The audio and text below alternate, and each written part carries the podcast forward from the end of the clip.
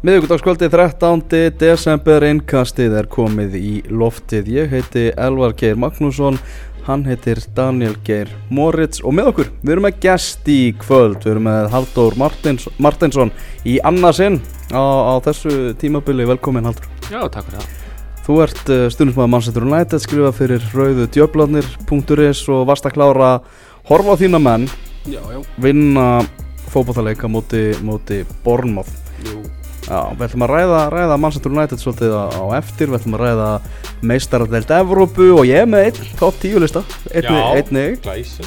þannig að við, við höfum uh, á næg, nægu að taka fyrst, varst ekki ánægð með hvernig gekk með jólatónleikana? Jó, var bara mjög ánægð með þetta Það var Já. skemmtilegu dagur og bara svona, esku draumur að rætast að halda stóra metnaða fulla jólatónleika með bara fullt af flottum fólki sko. Var góð stemming, Góð stemning, já, já, já. Bæði á sviðinu og í salnum. Já, og í salnum. Og- röð ég stóð sér vel í salnum. Vorum með fram í köll og, og, og læti og svona. Já, Þetta voru tveir tvenni tónleikar. Já, já, og, og setni tónleikarnir hafa svona meiru ölfun í salnum í, í þeim. Já, það var hann ákveðin hópur sem að Já. kom saman sem að hafi vist byrjað upp úr þrjú þann daginn Já, og mætti hress og kátur þarna og, og let í sér heyra. Svona- það er bara gaman að því sko. Það er Svo- bara gaman að því. svona á að gera þetta, það er nú bara þannig. En þú, þú varst nú í salnum svona, Já. svona, þú erum úr einu í annað. Mm Ég skemmti nú vel. Já það ekki? Jú, já, Já, ég skemmti mig líka. já Haldur var með Halldór var líka í salnum. Ég var ekki með fram í kvöld samt. en nei, nei Ég varst Nei. þegar stærsta stjarnan í þessum tónleikum var hérna jakkin sem þú varst í. Já, Ég- takk fyrir hann það. bara stál senunni fyrir mig, sko. já, Ég- mjög góð jakki sko. Já, veist það svona jakka öfund. Það það er mjög jólalegu, jakki, sko. það er hægt að skoða þessa jakka á flottfut.is bara svo það komið fram Já. Hvernig gengur hann á jólaundurbúningun alltaf? Búin að kaupa, kaupa gjafirnar allar? Herru, ég er svona, ég var svo séður að ég eiginlega kláraði þetta allt á netinu Fekk þetta meira og minna allt saman sendt heima dýrum Já. Þannig að ég, er- ég á eina eftir sem ég er að spara mér af Því að það er svona ákveðin jólafílingur í því að að fara einhver tíman í desember og klára, klára eina góða sko En, en hérna, annars er þetta bara, ég er silkislegur sko Taka laugar á þetta? Já. en þú Alvar, ert þú búin að jóla yfir þig eða? Búin að þræða jólatónleika bæjarins Já, ég er enda búin að gera það. Þannig að vantar ekki, sko Mhm. En svo byrja náttúrulega, þú veist, jólatörnin er svona Er hægt að segja hún sé farin á stað í ennska boltanum með það? Jú, er það ekki? Jú, þetta er svona, veist, við erum að vera að leiki í miðri viku og, og allt þannig já, En það er náttúrulega sko bara störla mikið að leikjum sko á forlagsmessu mhm Og Haldur var með þetta benda mér á það á að það er meðal hans Lester Manchester United Mhm. 1945 á Þorlagsmessu kvöld. Já, Fyrsti leikurinn á Þorlagsmessu er Everton Chelsea 12.30 og svo bara fylgir veistlan hérna bara fram eftir Þorlagsmessunni sko. Þannig að þetta bara fer allt saman svo er þetta að hlusta á jólatónleika buppa í útarpinu og þetta verður bara geggja kvöld sko. Þetta verður ekki kvöld. Þegar við fyrir að byrja, byrja að tala um fótbolta.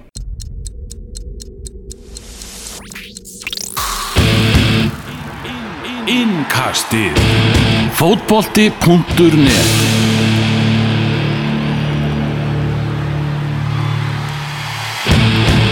Manchester United uh, kefti á móti Bournemouth í, í kvöld. Uh, Haldur, hvernig fannst þér þessi leikur?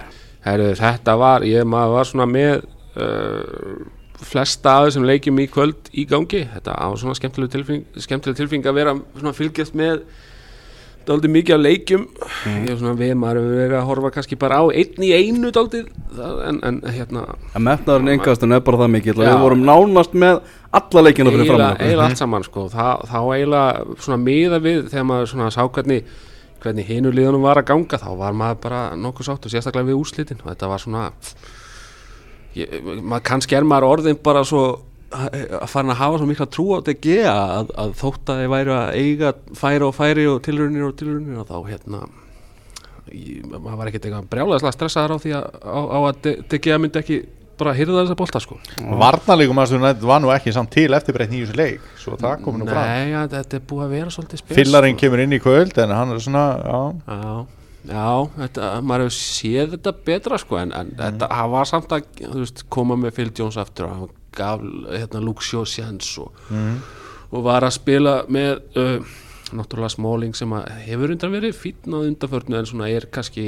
veist, það er ekki alltaf sem hann einhvern veginn smitar sjálfströsti veist, í, vör, í hjartavarnar en, en, en hann að þetta, ég veit ekki kannski er þetta afsakað að einhverju leiti með því.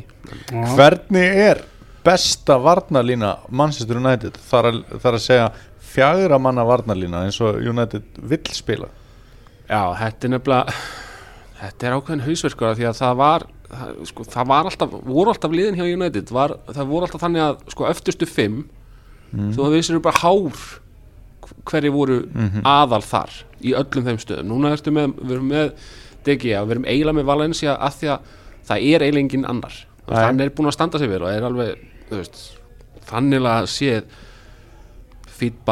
já. en, en, en hann er eiginlega þarna inni alveg örugur af því að það er engin nálatunum sko. og svo ertu með vinstri bakvörðarstöðuna sem er bara sem er eiginlega bara í ruggli þú veist, Asli Young sem er búin að koma og tryggja sér þá stöðu og búin að veist, standa sér allt í lægi en hann er engin samt, sko.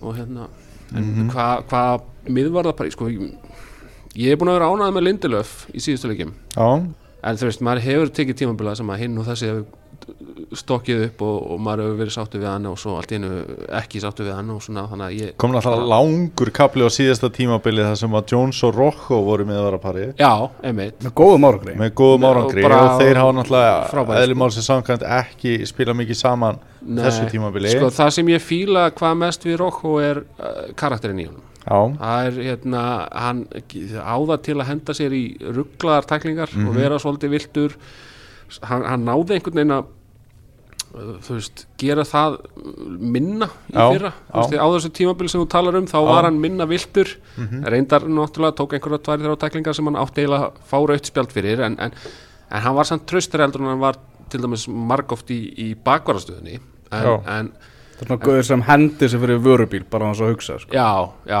og líka ég meina þú veist, þú sér það frétt, alla fréttir af hérna, þessari, eh, þessu, þessum árekstri milli mannsæstiliðana eftir leik þá var hérna sérstaklega teiknað upp svona í skýringamind sem að fjölmiðla teiknað upp þá var tekið fram að, Rocco hefði verið fyrsti maður út úr búningsklefa Manchester United berað ofan tilbúin í slagsmál já, og það er svolítið svona Við höfum gaman að því. Já, ég meina þetta, þetta er, auðvitað er ekki hegðun sem er til fyrirmyndar en en, en það segir samt um karakterin að það Já. veist uh, ég held að ef þú ert að, ef þú ert til, ef þú ert að fara í einhvern svona stólleik ef þú ert, að, ef þú ert leikmaður í liði sem ert að fara í baráttu þá ert alveg til að hafa Rocco í þínu liði alveg klárulega en þessi skýringamind, hún er dæmum sko fárálega góða fréttamenn sko. þetta var bara mynd bara hér er búningsklefi sitti, hérna er eitthvað á milli er- Örvarnar, örvarnar bara þessa leið fór Mourinho þegar hann hljópa klefanum.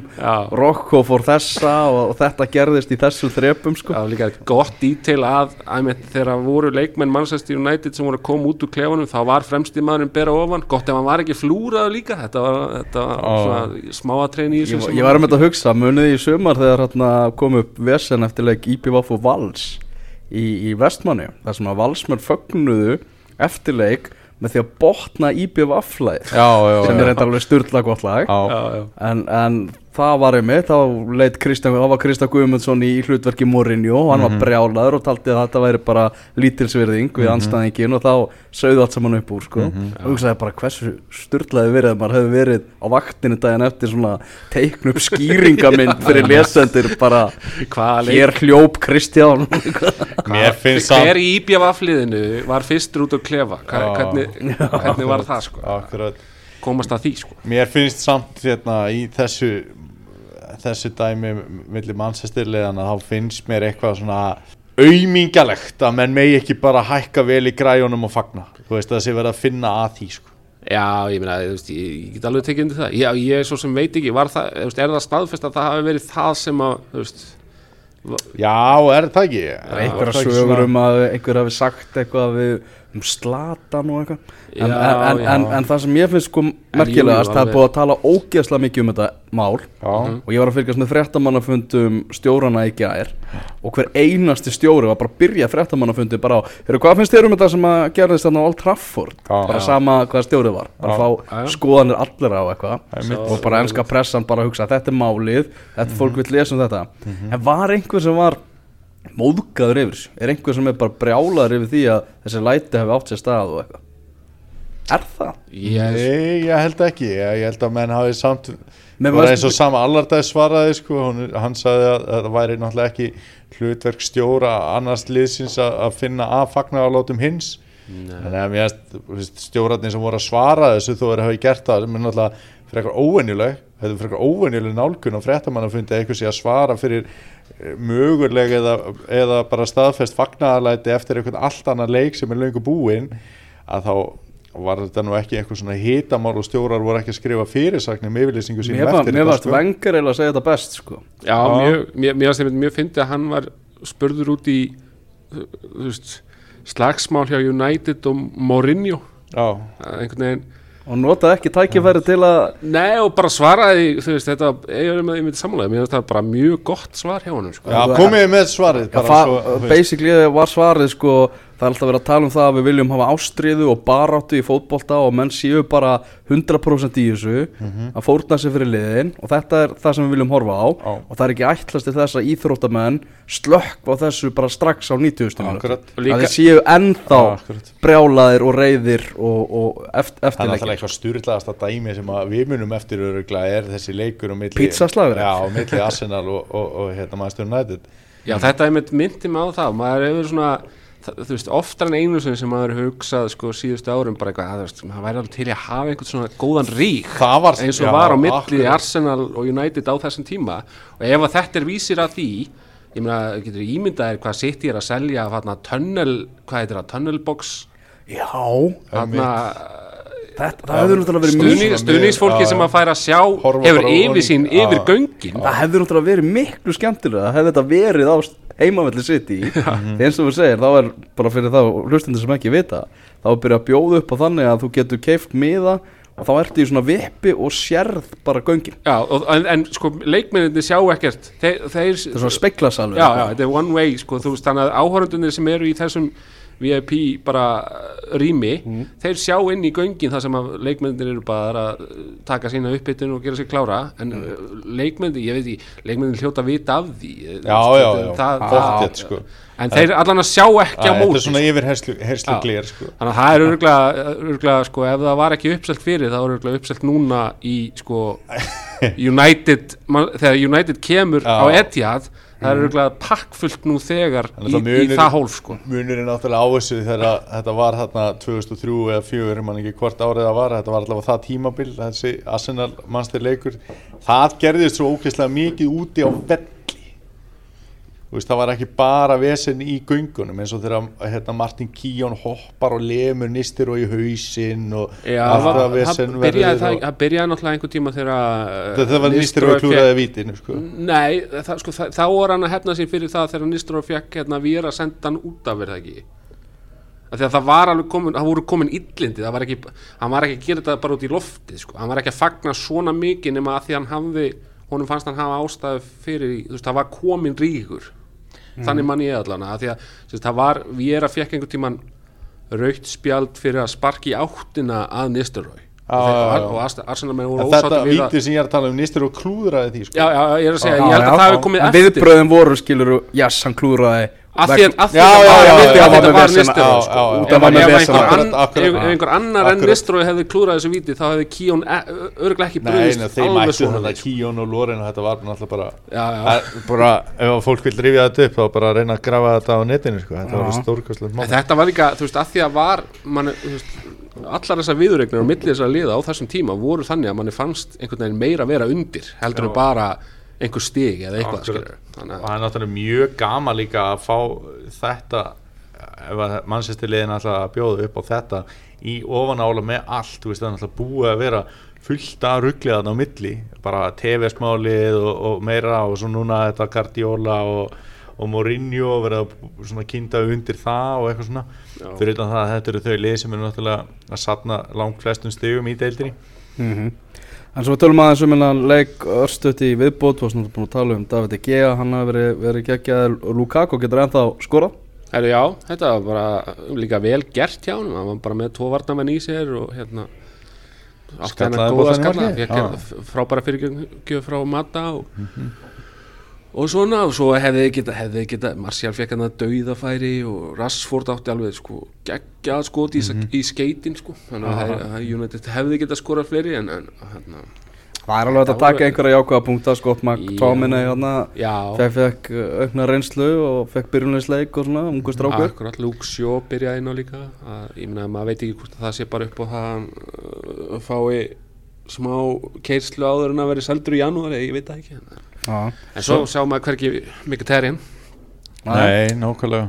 Það var alltaf einhver, allavega einn sem verðist verið einhverjum smá vesenu við Mourinho svona hverju sinni sko. Ég, ég held að Slatan myndi byrja þennan leik.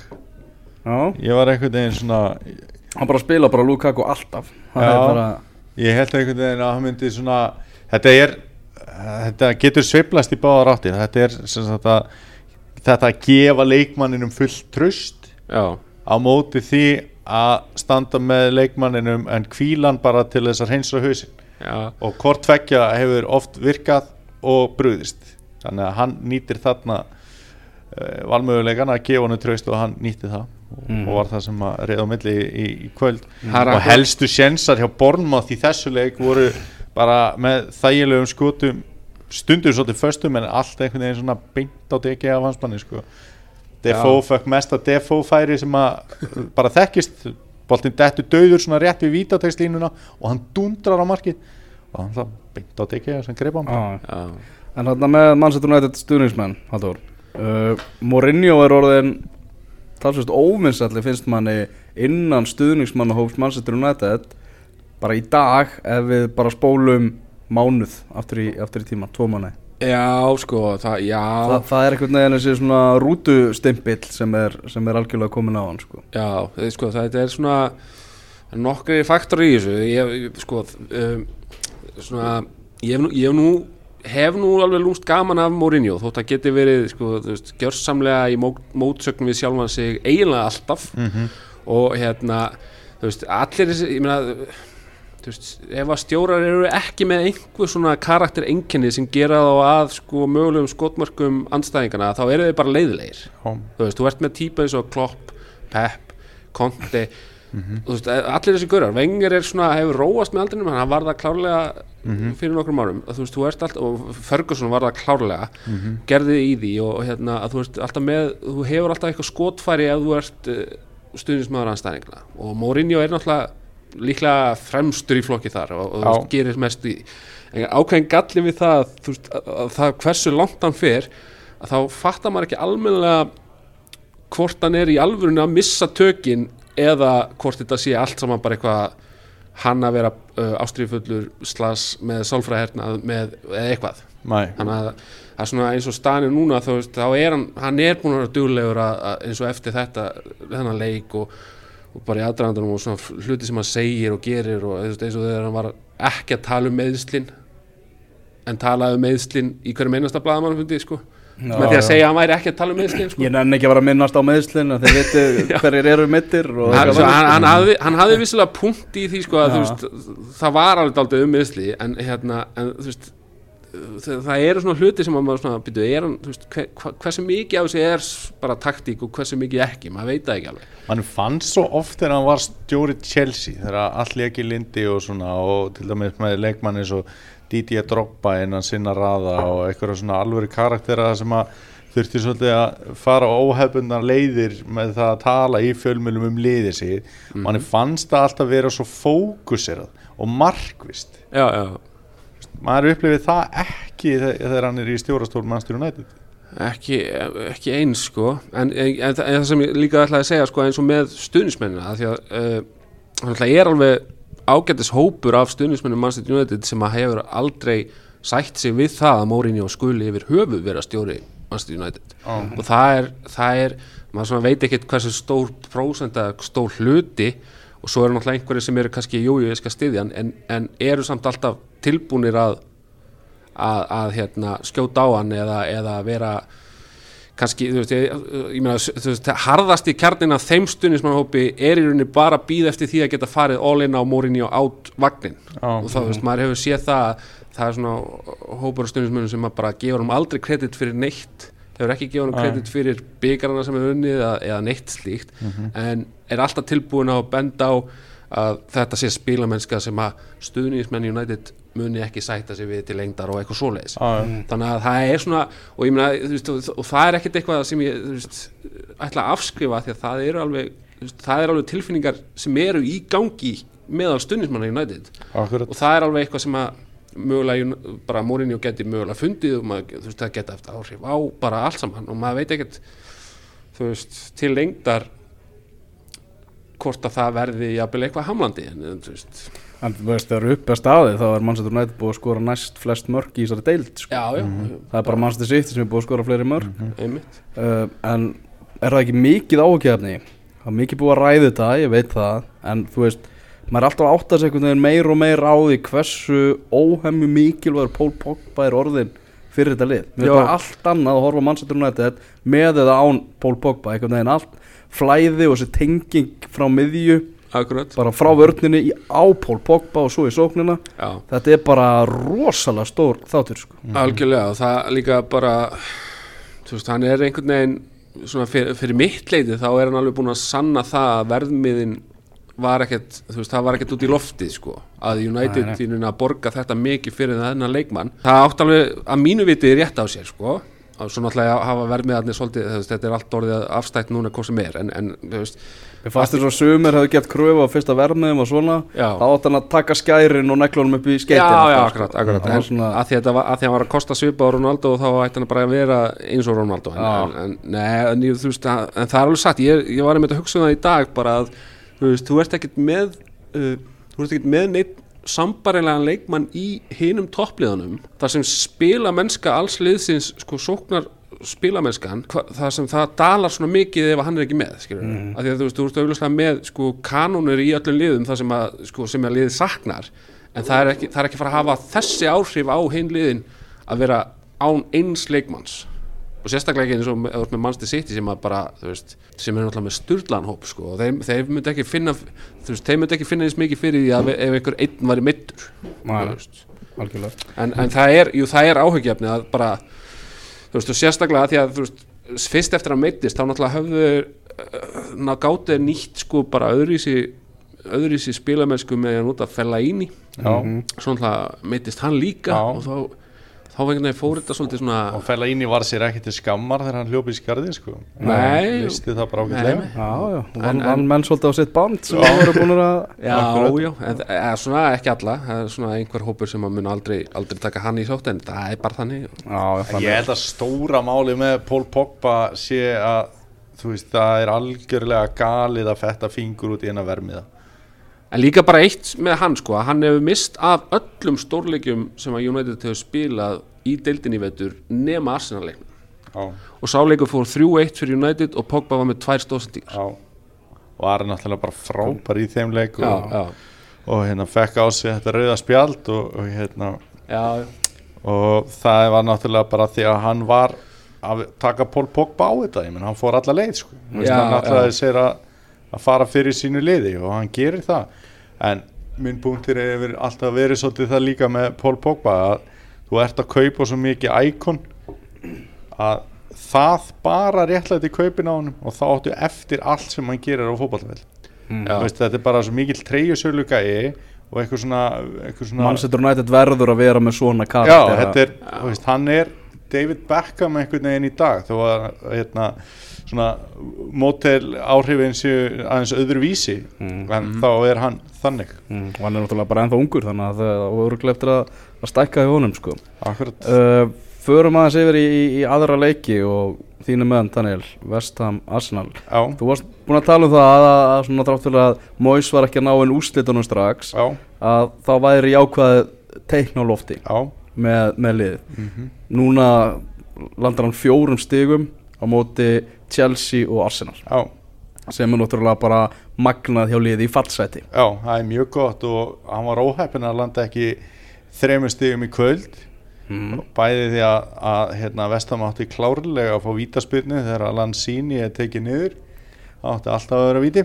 Og svo Javier Hernández að Javier með Hernandez bara sentimetra frá því að brautnast í þveslan Já, og við vorum nú að horfa á þetta saman við þrýr og ég saði um þetta við Haldur þegar hann var að koma inn og bara, já, já, þá kemur þessi inn á til að skora sigumarki sko. Mhm. og hann var háspritt frá því en mér hefur bara líka fundist allt annar áhugi á þessu hjá þessum vestamköllum og Arnautovic er allt, er allt annað standa á honum einhvern veginn og mér finnst Mois líka bara flottur á hliðalínunni, hann er einhvern veginn bara hann er svolítið bara að nýta sjensin sem hann fekk, hann fekk óvæntan sjens í rauninni að fá þetta starf. Ég held að við hljóttum að geta verið samanlega um það, það var eiginlega þetta var hann hefur, hann, hefur verið, grínkall undanfærin á Já. en hann er svolítið að ná að vinna það svolítið tilbaka með Þetta þessa er allavega hjá- núna er allavega eitthvað að gerast og þetta er, er allavega fullt af góða leikmennum í þessu liði. Fristir náttúrulega Joe Hart. Frist, já, tekur líkil ákvörðin þar. Og Adrian sko bara hann var að lúka, þú veist, hann átti tegin svona maður, maður sjá það trekk í trekk hann var að, og maður sá svona þegar hann var í nærmynd þá var hann að öskra á varnamennina og, og svona geisla ákveði svona sjálfströst á honum. Ég held að Joe Hart sé ekkert á leiðin aftur í marki á vestam á, á næstunni. Alls ekki Vesen fyrir HM í Rúslandi var þetta hann? Já, já, og ég meina Vestam var án sterkara leikmanna eh, svo Kujati, hann var ekki í þessu leik sem hefur verið svona einn af þeirra bestu mönnum og ég meina já, já, þeir bara þeir eiga örglega eftir að halda áfram að, að hérna, ná í góð stig. En þínu menn? En mínu menn sko það, Þetta var bara svona enn einn lélegi leikurinn það sem að liði heldur boltanum án þess að gera nokkuð skapaðan hluti. Það var, það var ekki bit í þessu það voru hérna uh, svona ný andliti í byrjunarliðinu. Jack Wilser byrjaði þennan leik sem að mér, ég persónulega hafi gaman að því að sjá sko. hann á tíu volkot. Hvar er hann bara? Já ég veit það ekki. Svo spilar hann í þessar Evrópakefni stendur sér vel mm -hmm. og með fyrirlega bandið í síðustu viku og skoraði tvö mörg og eitthvað. Og hann var ekki í hóp síðan á móti Southampton að sem Arsenal var líka heppið að ná í eitt stig.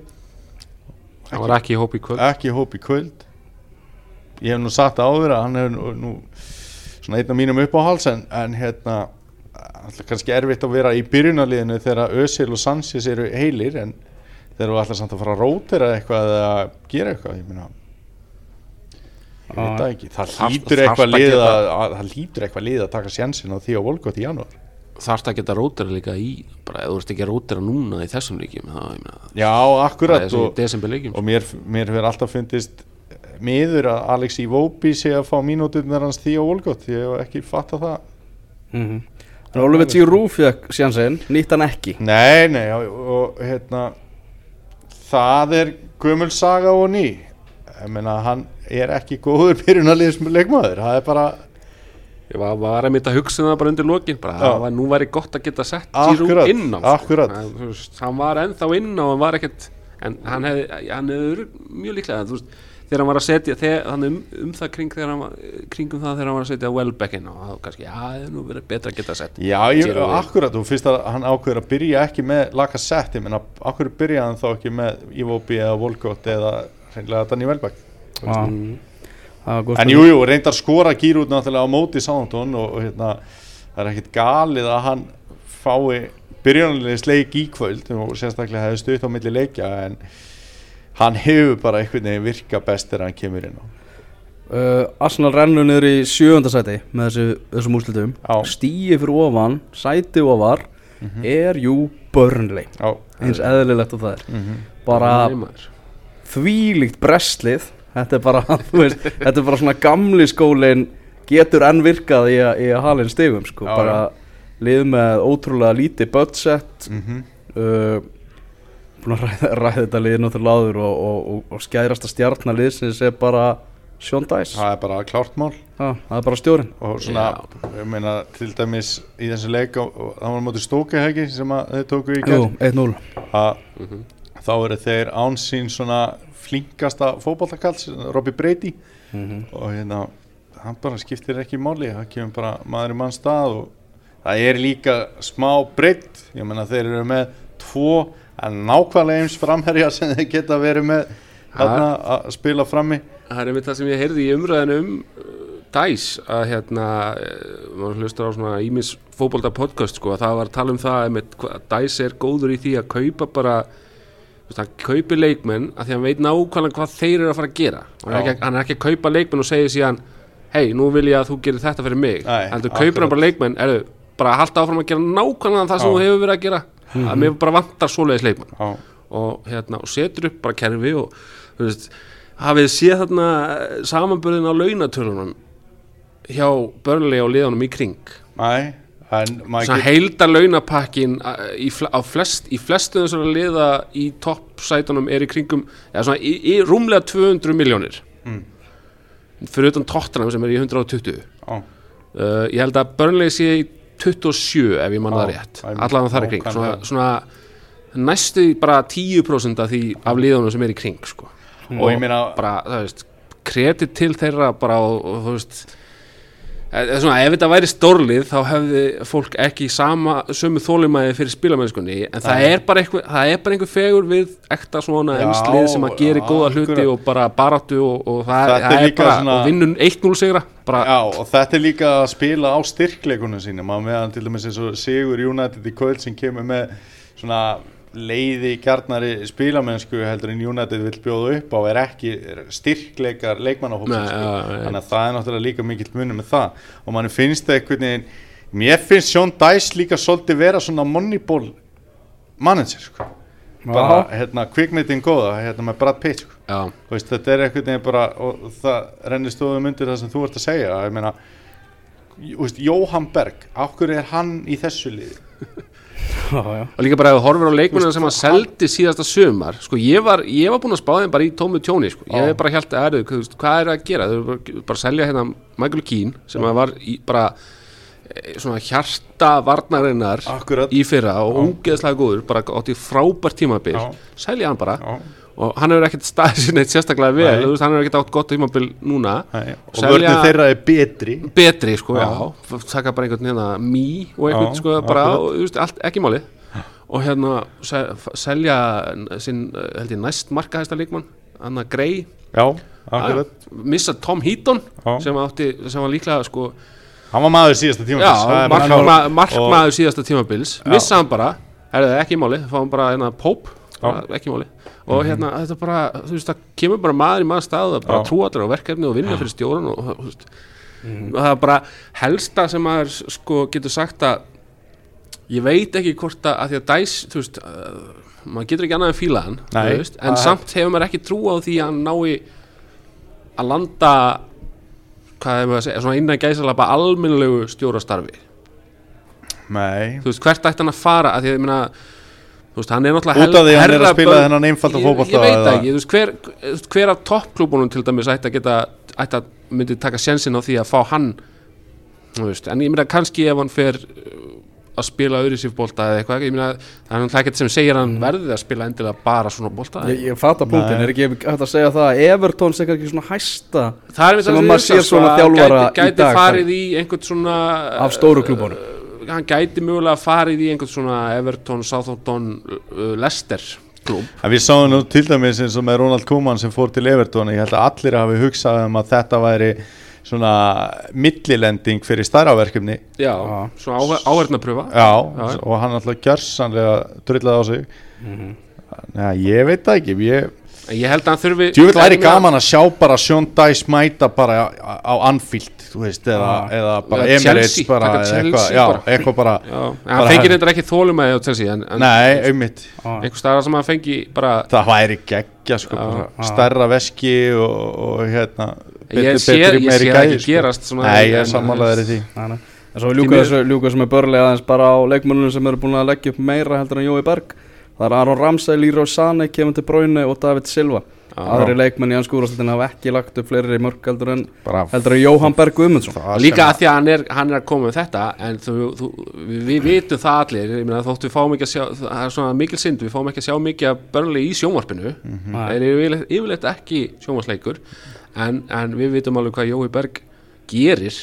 Ef hann er með lið sem að sko hann spila fyrir, þá er hann ekkert bara að gefa fyrirgjafir og, og, og stóðsendingar hann er líka í tæklingunum, í barningnum hann er að tilbaka. hlaupa. Mhm. já, algjörlega, hann að þú veist, hann er er bara Við- ég bresku leikmaður. það kemur mér ekkert Hann að óvart hann að er, hann dæs er bara fíli búinn til fyrir bolta algjörlega, Það er bara þannig er sko.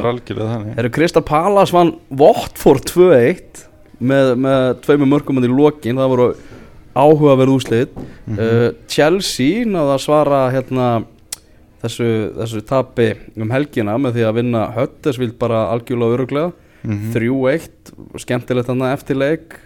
Þegar Viljan fekk uh, maður leiksins eftir að Eden Hazard var búinn að vera valið það Já, og voru þeir hérna tveir saman í viðtölum og svo var bara fyrir Eden Hazard, þú ert maður leiksins. Og hann Þetta bara, er eru nei, það er bara Viljan til að mikið með það sko. Ég er sammála því, ég horfði á hennar leik og mér fannst þetta Viljan maður leiksins og Tvö assist og mark já, í 3-1 sigri. Já, og hérna en, en, en Eden Hazard, vá, hvað hann er góður. Já, já, algjörlega frábær. En svo spyr maður sig að sama skapi Af hverju hefur viljan ekki verið að spila meira á þessu tímabili? Það er stór spurning. Svo líka Bakayoko, hann var fín Hann Já. hefur verið mjög misjæft Ég man Já. eftir til dæmis þegar Chelsea og United spiluði Þá fannst mér Bakayoko bara stórkostlegur í þeim leik sko. Mhm. En svo hefur hann verið mjög Hann er- hefur verið mjög umdeldur og ekki spila vel Og verið svona, kannski ekki fundið sig En mjög ástæð frábær í, í þessu leik Dæstu fréttirnar hjá Chelsea í þessu leik eru væntarlega þær að, að, hérna, Morata er kvildur út af þreytu í baki og Batshuayi er ekki treyst sem að er þeirra varasendur og Petru settur inn í staðin að þeir spiluðu sjálfu sér ekki með neitt framherja Nei. voru hérna Hazard, Petru og William svolítið svona fljótandi og uh, því, þetta er náttúrulega bara búið að vera talsverð sneipufur á ferli Batshuayi þessi þessi svona já og dvalarstaður sem að Chelsea hefur verið í hánum að, emitt, mann lofa í geggja góðu sko. Já, eins og maður held líka þegar hann skoraði að markja múti Atletico Madrid Þú veist, að, Einmitt. sem var hann að snemma á tímabilinu Hann bara, já, þú veist mm kannski Eru Liverpool og Vestbróm gerðu markaður stjátuli í kvöld. Já, Aftur pirrandi dagur fyrir stuðningsmenn Liverpool. Sko nú ætla ég að koma með smá eh, innlegg. Mm. um, að því að við vorum að tala um Chelsea og erum að fara að tala um Liverpool. Stjórar sem að grenja yfir leikja álægi gera liðum sínum mikinn grikk og þegar Antonio Conte eða Jörgen Klopp er að væla yfir því að liðin þeirra að spila leik á, á þryggja fjögra daga fresti að þá eru þeir í vittlusum störfum. Ef þú ert stjó- stjóri Liverpool þá viltu að Liverpool spili á þryggja fjöra daga fresti að því að Liverpool á að vera í öllum keppnum og er þannig lið og samaskapu með Chelsea. Og ég held að þetta sé bara að hafa áhrif á gengi liðana á undanfjörðu bara þetta væl og tuð tekur nýður að þeir sem að eru, þeim sem er stilt upp séu nógu góðu til að klára verkefnin eða í nógu góðu standi. Og mér finnst það bara gott hjá Liverpool að hafa ekki unnið hennar leiki kvöld. Gott á þessu Þeir En það, hann var samt með alla hvað hva kallast þeir núna? Fab Four, bílarnir hana Já, já, en ég meina, hann var ekki að bíla neitt sérstakann í Nei, nei, og hann ekki var í ekki, sóknarlínuna nei, og hann var ekki með og í, í síðasta leik. Hann var Coutinho og Firmino Firmino hérna kvildir á móti Everton. Já, og ég held að þetta ruggli bara taktin sko. Já, hann, hann, var, hann er líka komið með sko, flesta róteringar af öllum. Ég held að muni Já. sko að, ef ég manna rétt 20 fleiri skiptingar á milli leikja heldur en næsti stjóri í ennsku það úrvarsleitin er þetta mjög áhugavert. Og, það. hvað mest að vælið sko. en ég skil samt sko að því að veist hann var svona sá sem að sko brendi sig hvað mest á álæginu í janúar í fyrra. Já, að hérna Brennt og hann að hefur- forðast eldinn. já, hann, hann líka talaði um það eftir þennan leik núna á móti Evertón já, að sko hann hefði bara hlustað á teimið sitt sko.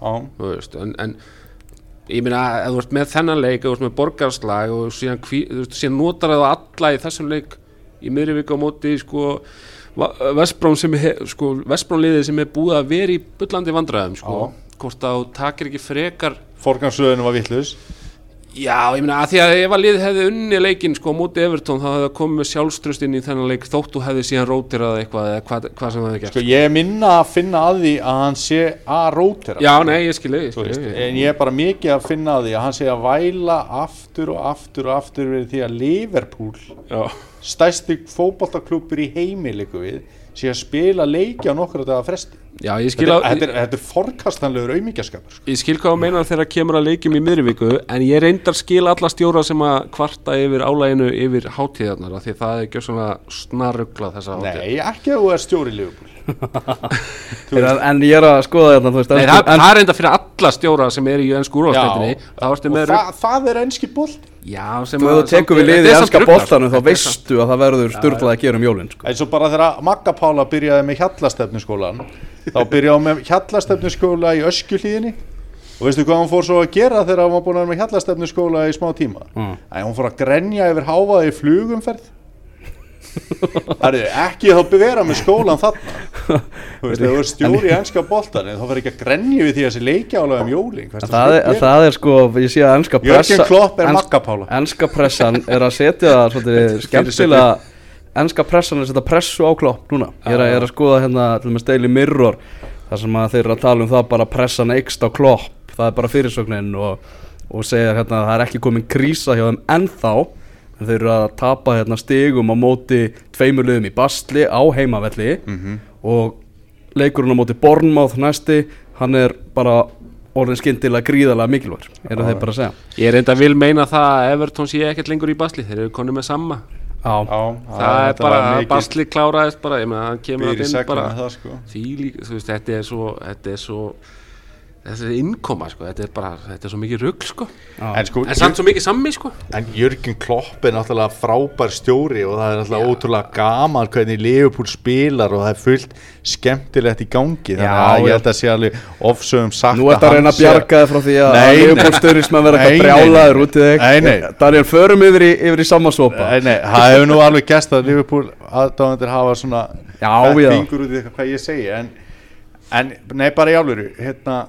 Í ég í held að hann sé ekki undir mikill pressu. Herðu, Newcastle tapaði fyrir Everton í kvöld. Áðurum fyrir maður Newcastle, förum þá í þetta Everton dæmi og eftir að sami sopi kom með gamla skólan inn í þetta Everton lið og bara mér er dröllu sama hvað ykkur vinst þetta er mín leið, ég nota hana. Það var nóg að hafa hann í stúkunni, sko Í fyrsta leik, hann var ekki eins og tekinn við. Sko. Nei, akkurat. Hann var bara í stúkunni. Og, veist, það er eitthvað það er bara eitthvað allt annað yfirbræð yfir Everton og það, þeir, já, ég meina þessi leikur, þú veist, á móti Liverpool, sko, ég, þú veist Þú veist, það er, hann getur ekki s- sagst hafa unnið hann taktist, þetta var bara hefni hann, get, hann getur gert það sem hann sýnist, sko, hann jú, gerir ok. það bara, kemur bara, herri, jú, jú, þetta var viti þetta var taktísku sigur, þetta gekk upp. Eitthvað, hvað, undir lagði hann upp með það bara liðið myndi bara ekki geta neitt en skora eitt mark úr víti. Herru, ég Nei, ætla- alveg, alveg svona til að nutta því uppi og, og bara vafa sem er viti, sko. En hversu skemmtilegt er það líka að Vein Rúni er bara á skotskonu leik eftir leik? Já, það er, það er svona, hann tók náttúrulega mjög dauðan kabla, hann byrjaði vel. Byrjaði vel fyrstu tveimur leikjónum en, en eru búin að sjá þetta mark hana? Já, já, já, Darlo frendiðin hann í marki í Newcastle var ekki að líta vel út sko. Nei, nei. hann verður að vera að segja eins og er. En, En- en, en- en, en, frekar svona ódæmigert Rúni-mark vera svona rækamamark Já, hann verið meira í öðrum hlutum hann bara virkilega vel gert hjá hann hann getur ímislegt en svo var náttúrulega stærsta fréttin í dag var náttúrulega jólagleðin hjá Sam og Soba já, hann frestaði jólagleðinni. Já, og hann og ég skila hann vel sko. Og ég veit alveg hvað hann er að pæla sko. Vegna þess að jólagleði ennska félaga er bara ónýtt í dag. Þetta var alltaf sko bara partí þar sem þú varst bara gjössalega mökkaður og svo fóru ennsku fjölmiðlarnir svo mikið að vakta þetta. Þegar Joey Barton var byrjaðar að tróða vindlingi hérna í augun á fólki og, og menn voru ælandi yfir hvort annan og þetta var bara farið út í algjöra vitleysu. Þá einhvern veginn var svona breytti stemmingin og jólagleðin var svona pipakökur og mjólk og komið með fjölskylduna sko. Sami sopi fílar það ekki sko. Nei. nei þannig að þarna séðan í staðin við komum okkur á skrið, svo í janúar þetta er farið að líta betur út og við erum komin nær liðunum hann í Evrópudeldinni búin að fjarlægast fallbarótuna þá held ég partí og það verður ekki jólapartí Nei, þannig að það verður eitthvað það verður sama sopapartí sko. Er Það bara verða mjög vín- vín- skemmtilegt það hjá ver- honum það verða heilu sko bjórglösin af, af víni þar sko. Hann elskar, elskar að fá sér stórt glas af víni sko. hann að Svona Kastrov frestaði einu sinni í jólunum á kúpu út af sigur er í uppskeru hann er, að, hann er bara að taka þetta á þetta og frábær byrjum bara hjá honum Mhm. og af hverju ekki að hamra helviti sjátni með það er heitt sko. Það sé, lí- sé líka bara einhvern veginn að leikmennir eru til, til í þetta sko. Það var náttúrulega, sko, þú veist, hann var, þetta var ekkert vinsæl ráðning meðal stuðnismanna Evertón, sko, að fá, fá sama alvegdæs inn á þú veist, eftir þessa að þeir náttúrulega hefðu gert þessa tilraun með Kóman og, og hafðu, það var hefðu mjög svona- vinsæl ráðning Já, þeir minna, þeir höfðu, höfðu, líka, höfðu líka séð fyrir sér að geta þá spila ákveðin bolta sko, já. sem að, s- þú veist, a- Allardyce svona kannski Minna ekki inn í fyrir, já. já. þannig að þetta er svona, það var einmitt verið að tala um það þegar hérna, þegar var hérna Everton Everton Vestham þegar það var verið að tala um það sko, að Everton Vestham var að mætast með stjóra sem að sko, báðir stjórar, stjórarnir voru í ónáð hjá báðum stuðnismannahópum sko. sem var svona áhugavert sko. mjög en, áhugavert. En þannig að þú veist, en þeir ég meina miðað við hvað leikmennir þú veist, að því að það er ekkert sjálfsagt mál miðað við hvað hann var óvinsæll meðal stuðnismanna að hann hefði endilega komið og unnið sko leikmennin á sitt band. En hann verðist svona miðað við hvernig hvernig þeir hafa spilað, það hafa gert það sko. Já, já, hann er náttúrulega ekta stjóri í það líka sko. Já, uh, Förum við svona pratt yfir helstu punktan úr öðrum leiki kvöldsins. Southampton Leicester 1-4 Þarna held ég að Claude Puel sé nokkuð sáttur að það held ég líka. Þú varst nú með skemmtilega kenningu ef að hann hefur verið ráðin fyrir þetta mót. Þeir væri bara jafni sitt í að stigu Nei, ég held ekki. En Þetta var bara sagt í, sagt í glensinu á þann en hann er búin að kveikja í mönnum. Já, og stinga sokka upp í okkur. Erum við ekki komin upp í hvað áttunda sæti, lestir? Þetta Jú, er bara nokkuð fínt sko. Já, kom bara búin að hýfa svo upp í átta Bara- sæti vinna, Já, ég meina þeir taka sáhandun og pakka þeim saman sko. Bara á útivelli sko. Já, bara bjóð upp á veistlu já, Puel mættur aftur. Uh, Swansea Manchester City 4-0 fyrir Manchester City. Þetta er náttúrulega bara búið. Ég ætla ekki svona að spyrja hvað þið finnst um það Haldur Þetta er bara búið. Já, sko, þú veist, ég meina Þetta er bara svona Þetta er bara spurningu hvaða metir slá í viðbót held ég sko. Markaskorar í þessu leik og David Silva með 2 Kevin, Bruyne, Kevin De Bruyne með 1 og Aguero með 1 Já, og jæja túri með hérna stóðsendingu bara þú veist, og poppar upp hérna og, David Silva veist já. maður leiksins. Já, Það við kemur, höfum séð það áður. það kemur kannski ekki óvart og þannig að þeir voru bara sko eins mikið og maður, ég, ég, ég segja stuðnismæður United, þá myndi ég að sjálfsögðu elska það að sjá eh, Pep púla kíkan á þetta. En ég meina, þú veist Pep er ekki kíkan og þeir eru ekkert að fara að gera það sko. 15 sigrar í röð Þetta er uh, met. Þetta er úrvalst þetta met sem að. Manchester City var að setja Já, í kvöld. Ég held við þurfum ekki að fara fleiri orðin með þetta. Og er, ég, ég ætla bara að segja það það er litlar líkur á því að þetta sé síðasta metið sem uh, City Setur. setur á þessu tímafli Tottenham vinnur Brighton 2-0 þar sem vekur aðtekli að Del Alli er bara backjaður hann er settur á backin og þetta er í fyrsta sinn svo við eitthvað í 13 mánuði þar sem hann er heill heilsu og byrjar ekki Já, Já, er ekki bara rótreining? Er er er er einhver fréttir í þessu? Já, er ekki fréttin bara svo að Del Alli er búin að vera lélugur bara, Jó, hann bara síðan hann var geggjaður á móti Real Madrid Já, og, já. og alla fréttinnar fór á stað bara heyrðu þetta er bara næsti gaur í Real Madrid. Já, já bara var þvílít góður. Uh, hann fór og samti við hann einhverju umbóðskrifstofu í Hollywood bara til að hann geti farið að leikja einhverjum svona bílaauðlýsingum og, og, og allt þannig. Þá er bara strákurinn voðalega lítið búin að geta. Og, bara spark í rassin fyrir hann uh, annars bara flottur sigur hjá, hjá Tottenham. Já, og þeir áttu náttúrulega stórsigur um helgina líka og, og, og hérna það, er svolítið það kom náttúrulega svona niður sveifla hjá þeim eftir hennan Real Madrid leik og það verður ekki verið svona fylgni og milli yfirburða þeirra í sínu reyðli í meistaradeildinni og síðan ennskudeildarinnar þeir hafa verið í svona smá undir pari í ennsku deildinni, hann verður bara að segjast eins og er og, og valdið smá vonbrið, núna koma hann tveir leikir röð og Son hann er bara að nýta sjansinn og, og, og, hérna mínútunar og, og gera í raun og verið það sem að menn voru að búast við að Deli Alli myndi vera að gera. Mm, mjög gett ekkur maður Þetta er ót, já, ótrúlega skemmtilegu leikmaður sko. við ætlum að, halda með honum. Já, Skemmt að þetta bara Ta- leikmanni. talandi um Tottenham við ætlum að vinda okkur yfir í meistaradeildina. Já, Við ætlum að fa fara hérna af stað með kostningu Við ætlum bara að kjósa lið áfram úr einvíu meistaradeildarinnar. Við erum að tala um að eh, fyrirleikindir eru í februar og setni í mars. Já. Og uh, dreigi var í 16 löguslitt uh, Fyrsta einvið sem við skulum bara kjósa um er uh, Tottenham. Juventus á móti Tottenham Hotspur. Haldur, byrjað þú. Herru, ég ætla Ég ætla að segja tóttina Ég líka.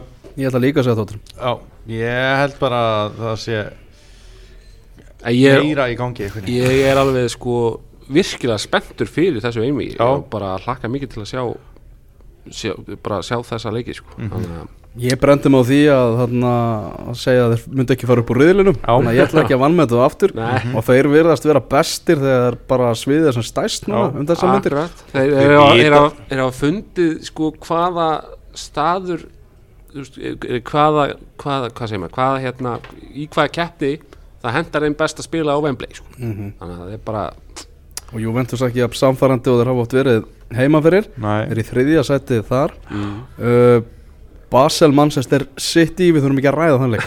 Nei, Vissi, Nei. Það er 3-0 þar líka. Porto, Liverpool, Daniel. Eh, klárt Liverpool?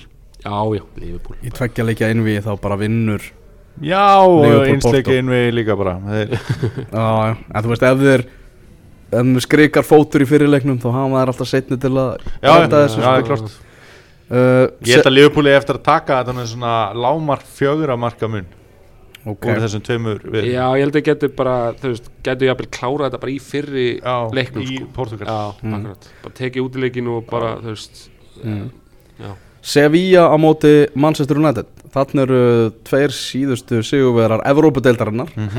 að mætast það er ekki, hvað, þrýr? Nei, veist, hafa unnið þrjá síðustu jú, keppnir Þetta er- eiginlega þrý síðustu síður Ég ætla að segja Manchester United. Já, já, ég mínir menn Ég hef trúið þeim sko. Elvar, ákveður ætla þú að segja Sevilla. Hvað hefur fyrir þér í því? Ég ætla að segja Manchester United. Nó, ok. En ég held að þetta verði, verði tæft. Ná, ekki, ekki. Real Madrid, Paris Saint-Germain. Búm, búm, búm, búm Já. en, eins og einhver sagði, þetta eru hérna gömlu peningarnir á móti nýju peningunum. Það er svolítið svona skemmtilega orðað. Ég ætla að segja Real Madrid Já, ég líka sko. Ég held að bara Ég þá ætla ég það að er klóri of- bakkar með PSG sko. Já, ég ætla að segja að Real bara of mikið, þetta er of mikið í vöðva minninu hjá Real Madrid Já. ennþá sko. Að bara standa sig í þessum á, akkurat þessum leikjum sko. Að þeir eru í svo miklu basli ég var að horfa á það bara í dag á móti. Al Jazeera sem ég held að vera sjómastuð og, og, og þeir bara rétt mörðu þetta sko. Ég ætla að vera flugfélag sko. ég háum félagslega en þeir Já, hérna, hver sko, það var, ekki, það var hérna Romarinho Það er reyta geggja það nafn. sem skoraði hérna fyrsta mark kom, kom Romarinho. Já, það, ef, þú- ef þú vilt vera, ef þú ert fótboltamæður og vilt vera með svona sölu vænlegt nafn Romarinho Það er eins og að heita bara Albert Gudjónsson Geggja sko ef að Real Madrid tekur þetta þrjú að röð það væri nú eitthvað sko Já, ég er ekki að segja að er ekki rest það. sko En Ég ég er held ekki að það. Það, samt. Nei, ég held að taki þetta innvíð Já, sko. ég Ég held að PSG sé svona veist, ég held að þetta verði mjög áhugaverða viðurregni Já, sko, mitt svar er ekki drifið á óskikju sko. Mér er Nei. alveg sama hvort Já. liðið fer það er, það, Úr þessu innvíi fer skemmtilegt liði í áttalegu úslið Það er svoleiði sko. Já, en, akkurat. en ég held að Real takki það Shakhtar Donetsk gegn Róma sem er svona kannski já, svona minnsta einvið svona næsti að vera Evrópudildar einvið Ég ætla að segja Shakhtar. Ég ætla að segja Róma. Herru, já, Ég held að þarna Róma á svona setni óvænt. leikin heima, ég segi Róma. Já, ítölsk til þegar þið taktík. hafi vittlust fyrir eitthvað þannig En þetta verður verður klálega jafnt einvið sko. Róma hefur ekki alveg svona alveg smelt saman á, á þessu Þeir samt unnu sinn riðil, er það ekki? Voru þeir ekki. Róma, þeir voru með Chelsea, og Napoli Nei, ekki Napoli, Chelsea og Chelsea náttúrulega endaði öðru sæti og þá aukast líkundunum því að þú fáir. Já, Atletico Madrid, já, hvernig látu við? Já, já, Róma tók það bara, Já, þetta var reyna að erfiðast í reyðlein sko. Já, skildi bara í Madrid eftir. En þetta er svona einvegið það sem að sumur hérna myndi segja að bæði liði gætu farið áfram en það er staðfest að bæði liði geta ekki farið áfram. Það verður bara Það verður annað lið Já, sem fer áfram. Chelsea endaði öðru sæti og það var ljóst að þeir myndu mæta sterkulið og þeir mæta Barcelona. Já, Ég ætla að segja þetta Barcelona fram þarna. Ég fór á Chelsea Barcelona 2006 já, ok. Í meistardölni Good Johnson Nei, hann jú, er í Jú, jú Já, já, hjá Chelsea náttúrulega. Já, Skoraði hann ekki í þessu leika? Nei, hann skoraði ekki. Það var þetta tvö sjálfsmark Terry skoraði sjálfsmark Já. Svo skoraði Samuel Edu sigumarkið Já, ok. eftir að Chelsea komst yfir sko. Var þetta einn af þessum var þetta Já, þarna, hvað heitir hann? Car Carvalho. Nei, þarna, annar, þarna, fjö- það var rautspjald á Chelsea í svona leik sko. Já, já Hvað heitir hann aftur? Ferreira Nei, ég, ég finn það út af eftir. Uh, Baltasar Kormákur. Ég ætla að setja set Barcelona fram Já. Þetta er Ég ætla að segja Chelsea. Ú, það er åtta atkvæði haldur Já, ég, eiginlega bara svo Haldur myndi vera með 8 atkvæði sko. Já, sko ég set, set Barcelona á þetta. Barcelona á setnileikin heima. Það er náttúrulega tölfræðilega stert alltaf. Já, ég held að ég held er uh, Jú, ég, ég segi Barcelona. Haldur, á skalanum 1-10 Hversu mikið værið þú til að sjá útivallareglun að fara út að hafsöga? Þetta er með okkur því? Ég er alveg 100% með því sko. Þannig að það er finnst Já, Já. Algjörlega Algjörlega Asier del Horno fekk rauðarspjaldið 2006 Já. í leiknum sem ég var á Ok, ég hef getað gískað í mánuð sko. Já, já. Bayern München Besiktas Ég segi Bayern München Ég líka Heru, já, þeir, bæjan, þeir voru þetta hann að hefnalið í öðru sæti í sín, sínu riðli sem fekk Besiktas Besiktas, þeir eru að vera þetta verið mjög skemmtilegir en ég En þetta á að vera að auðveldasti Bayern, sko. auðveldasti leikurinn að að giska á sko hver, hver var með hverjum voru Besiktas í riðli hver var í öðru sæti þar? Þeir voru í hann að Evrópudeildarriðlunum það ekki? Með Porto og eitthvað. Já, port, ok. Já. Heyrðu hann að uh, stemming og stuð uh, top 10 listi, mm förum við það. Uh, Verstu ákvarðanir tímabil sem synga til? Veitu, ég ætla samt aðeins að segja bara til að klára þetta meistaradildæmi Já. Varst, voruð þið ekki fyrir smá vombriðu með dráttin? Nei, Af því að þú ert að fara að fá svo góð áttalegu slit. Já, Já, og svo náttúrulega líka það að þú veist, það er svo mikil umfjöldunum mennska bóltan á Íslandi að við erum að fá svo marg, mörg, marga leiki með ennsku liðunum já, já, það var náttúrulega þú veist, við Já, vissum það var vita, skilur Já, en hún var náttúrulega þrjú ennslið af fimm sem að fengu svona það svo til að þau, sko. þau gátt ekki mæst innbyrðis og eitthvað svona en þetta var, þetta það þurfti orðið alltaf að fara bara einhvern veginn sko. svona en, en þessi áttalegu úrslit verða náttúrulega bara eitthvað rugl, sko. og líka bara einmitt eh, þú veist að sko ég meina ef að mannstu sitt ég er bara búið að keira í burtu með, með deildatitilin á Englandi Mhm. og það, það í rauninni verður ekkit þú veist þau verður að vera ekkit almennileg keppni um það Mhm. Þá geta faktist séð öll þessi lið farið að eyða meiri púðri í meistaratildina sem að er mjög áhugavert sko. Akkurat. Rennum Fyrir hratt- göðalar, top 10 Það er enn hrætt yfir top Já, 10 já. lista vikunar sem eru vestu ákvarðinu tímabilsins til þessa valið af eh, fútbol 365 eins og ofta áður. Uh, í tíunda seti þar er að Lester hafi haldið sér við þjálfara sem þeir bara í raun og veru vildi ekki hafa. Það var Craig Shakespeare Já, sem var svona að gera góða hluti í fyrra og ákveða að já, halda honum áfram já, þrátt fyrir það að svona þeir vissu að hann var ekki nægilega góður þetta Hann væri ekki náttúrulega aðalþjálfari, gerði sko. ekkert eitthvað frábæra hluti heldur í fyrra sko. Nei. svona þannig og þetta slapp allt til og allt það sko og margir á því að það sé- hafi ennþá verið mistökar Reka Ranieri en uh, við sáum þetta líka hjá Swansea þegar ég held áfram með Gátur Lín sem var afleitt ákvörðin Mhm. en það var það þryggjastjóra eða fjögurastjóra tímabil hjá Swansea í rauninni en Púel er allavega að sjá til þess að þetta verður bara tvekja stjóra tímabil. Mm uh, Níunda sett er hvernig Kristal Palace höndlaði Frank de Boer dæmið allt saman. Og þá er það einhvern veginn að, að ráðan en samt bakkan ekki upp með því að kaupa leikmennar sem hann þarf til að spila fótboltan eftir, eftir sinni hugmyndafræð Já, það má líka segja það að það að þeir hafi sko rekian á þessum tímapunkti og ráðið einhvern nýjan mm -hmm. það, veist, það gerði hverjum sem var að koma inn sem var náttúrulega Rói það gerði honum engan greiða að þeir ákan rétt fyrir eitthvað sko rugglað prógram þar sem þeir voru að mæta öllum toppliðunum sko þannig að þú veist frekar að gefa bara til bóar, ég meina þú veist gefa honum allan stórleikina, gefa honum erfiðutörnina og þú veist, gefa þá nýja stjórnum ef þeir ákveða samt sem áður að rekan aðeins svona aðeins betri byrjun, aðeins mm þægilegri byrjun. Mhm. Í áttundasæti að Everton hafi bara treyst á það að þeir myndu fá Oliver Giroud. Bara lögðu alltaf það að bara hann, þeir myndu fá hann til að leysa skarð Lukaku og hafa ekki verið með neina hugmynd um hvað er þetta að gera ef að Giroud myndi bara ekki koma sko. Já, Einmitt. það uh, er bara mjög góða punktur Við viljum sjá, fá Edin Dzeko í Everton mm Í sjöndasæti það er einhvern veginn hvernig Swansea leisti uh, miðjusveið og það var náttúrulega að vita mála að þú bara lagar eða þú veist, fyllir ekki til skar gilva það ef þú ert Swansea eins og við töluðum um, mm Mhm. Markov talaði um og við töluðum um á síðasta tímabili þegar þú líður svo Swansea missir gilva Já. þú ert ekki að fara bara að kaupa annan gilva sko. Nei, þú vart að gera eitthvað annað Já, gaur í þessum gæðaflokki bara einhvern veginn kemur ekki til Nei, Swansea sko.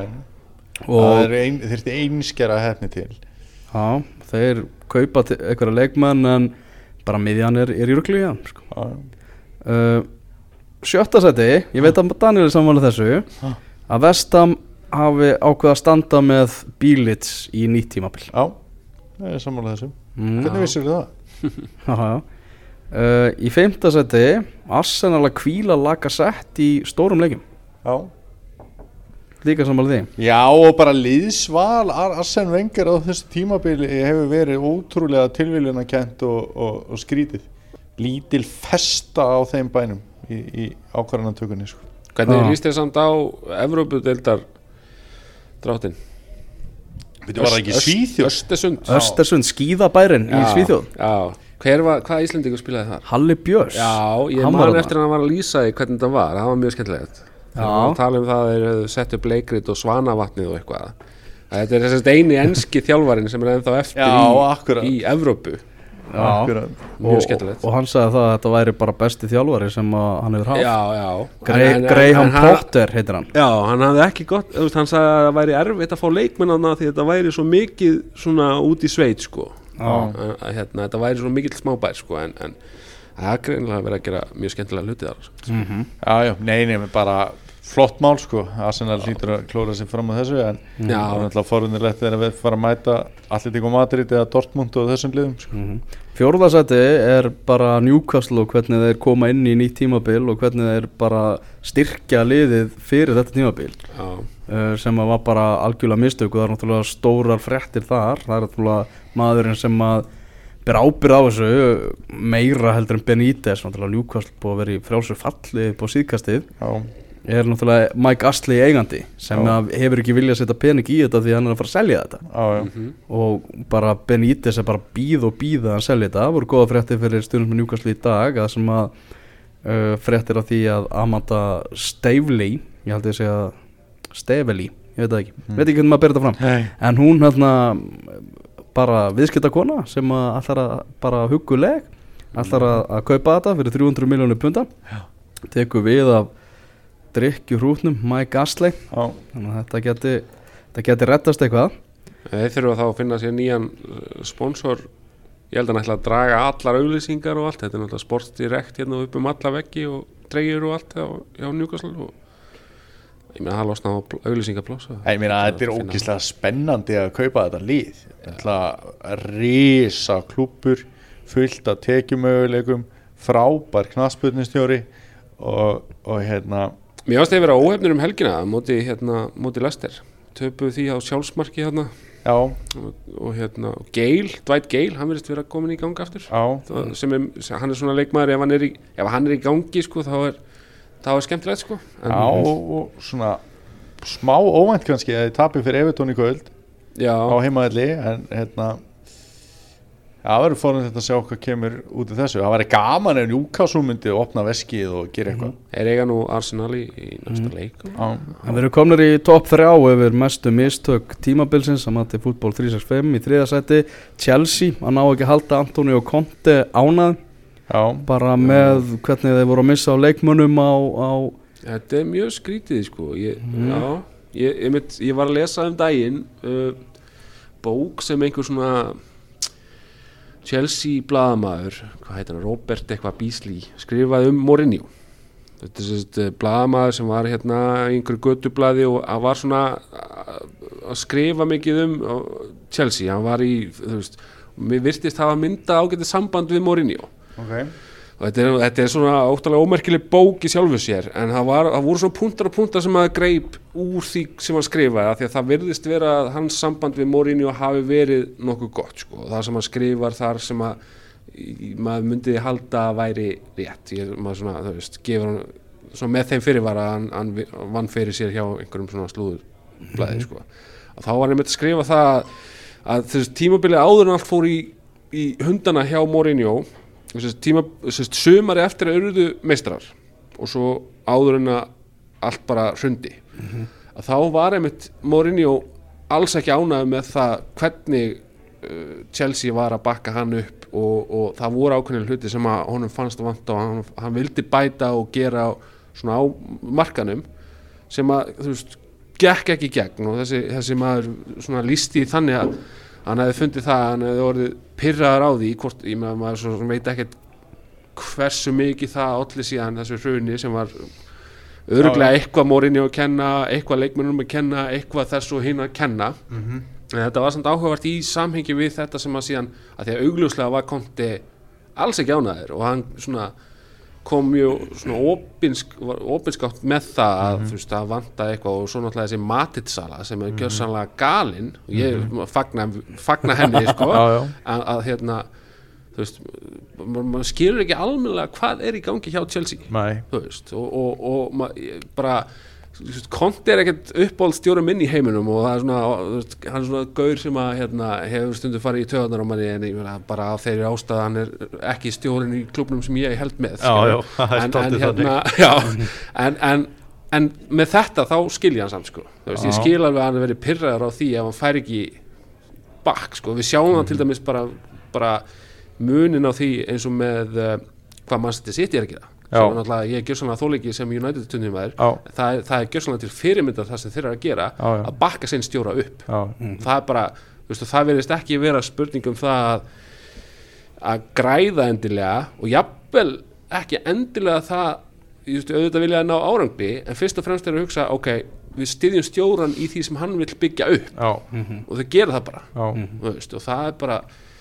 og þá skilur maður einmitt að stjóra sjáu það og segir bara, heyrðu, ég Gaurin selur bara líki leikmann sem ég ætla að nota og getur ekki keft mann sem ég vantar þannig að þú veist, auðvitað er ég fúll Ég meina, Abramovits hefur náttúrulega haft marga af fremstu knasputnustjórum bara liggur við að maður getur sagt listi Já, maður. já. við að maður getur sagt sögunar sko Akkurat, og hann hefur, hann hefur náða að mastera einhvers konar formúlu að bara, ok, ég meina þú veist ef að stjórinn er ónaður, þá bara er hann í 2-3 ár nær einhverjum árangri, svo fer hann bara og kemur næsti kemur Já, og hann er árangri í einhver tíma og svo fer hann bara. Þannig að þeir virðast vera með ákveðna rútínu á það að geta náð árangri þú veist, þegar stjóri kemur bara inn í 2-3 tímabil og er svo farin sko. að, en, þú veist.